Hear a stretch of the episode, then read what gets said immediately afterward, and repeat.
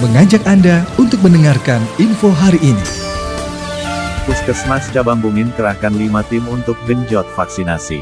Cabang Bungin, Puskesmas Cabang Bungin terus menggiatkan vaksinasi di semua sasaran usia. Mulai dari vaksin anak usia 6 sampai 11 tahun, remaja 11 sampai 17 tahun, masyarakat umum usia 17 sampai 59 tahun dan vaksin lanjut usia lansia 60 tahun ke atas.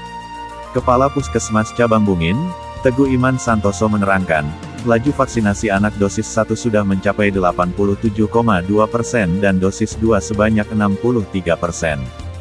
Vaksinasi untuk umum dosis 1 sebanyak 82 persen dan dosis 2 sudah mencapai 50,56 persen. Untuk usia sekolah atau remaja, dosis 1 sudah 75 persen, dan dosis 2 sudah 60,5 persen.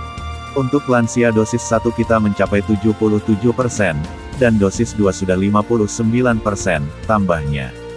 Mengenai vaksinasi booster atau vaksin ketiga, menurut Teguh tingkat ketercapaiannya belum final karena masih menunggu masa jarak vaksin. Dosis 3, kita masih kecil dan belum selesai. Karena masih menunggu selama 3 bulan ke depan. Setelah dosis 2 baru kita pelaksanaan dosis 3 booster. Masyarakat umum pun nanti dapat booster, bukan hanya lansia, ungkapnya.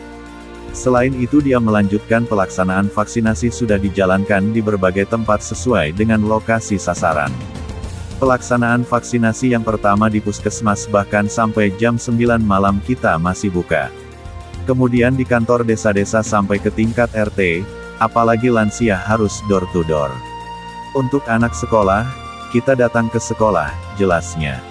Terkait tim yang diturunkan dalam vaksinasi, Puskesmas Cabang Bungin mengerahkan tenaga kesehatan sesuai dengan kebutuhan, tanpa harus meninggalkan tugas piket di puskesmas bagi masyarakat yang datang langsung.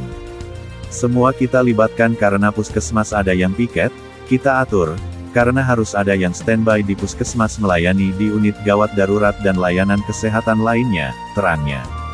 Bahkan menurutnya, ketika pelayanan sudah tertangani semua, petugas puskesmas diberangkatkan semua untuk kegiatan vaksinasi. Kita ada lima tim, dengan satu tim 5-6 orang, apabila masih kurang, kadang kita minta bantuan ke RSUD Cabang Bungin, terangnya.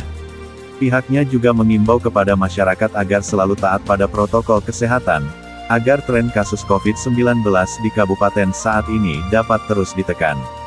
Masyarakat mesti taat pada protokol kesehatan, pakai masker, cuci tangan memakai sabun, dan demi kesehatan kita semua, harus mengurangi berkumpul seperti menunda terlebih dahulu kegiatan yang berpotensi berkerumun, terangnya.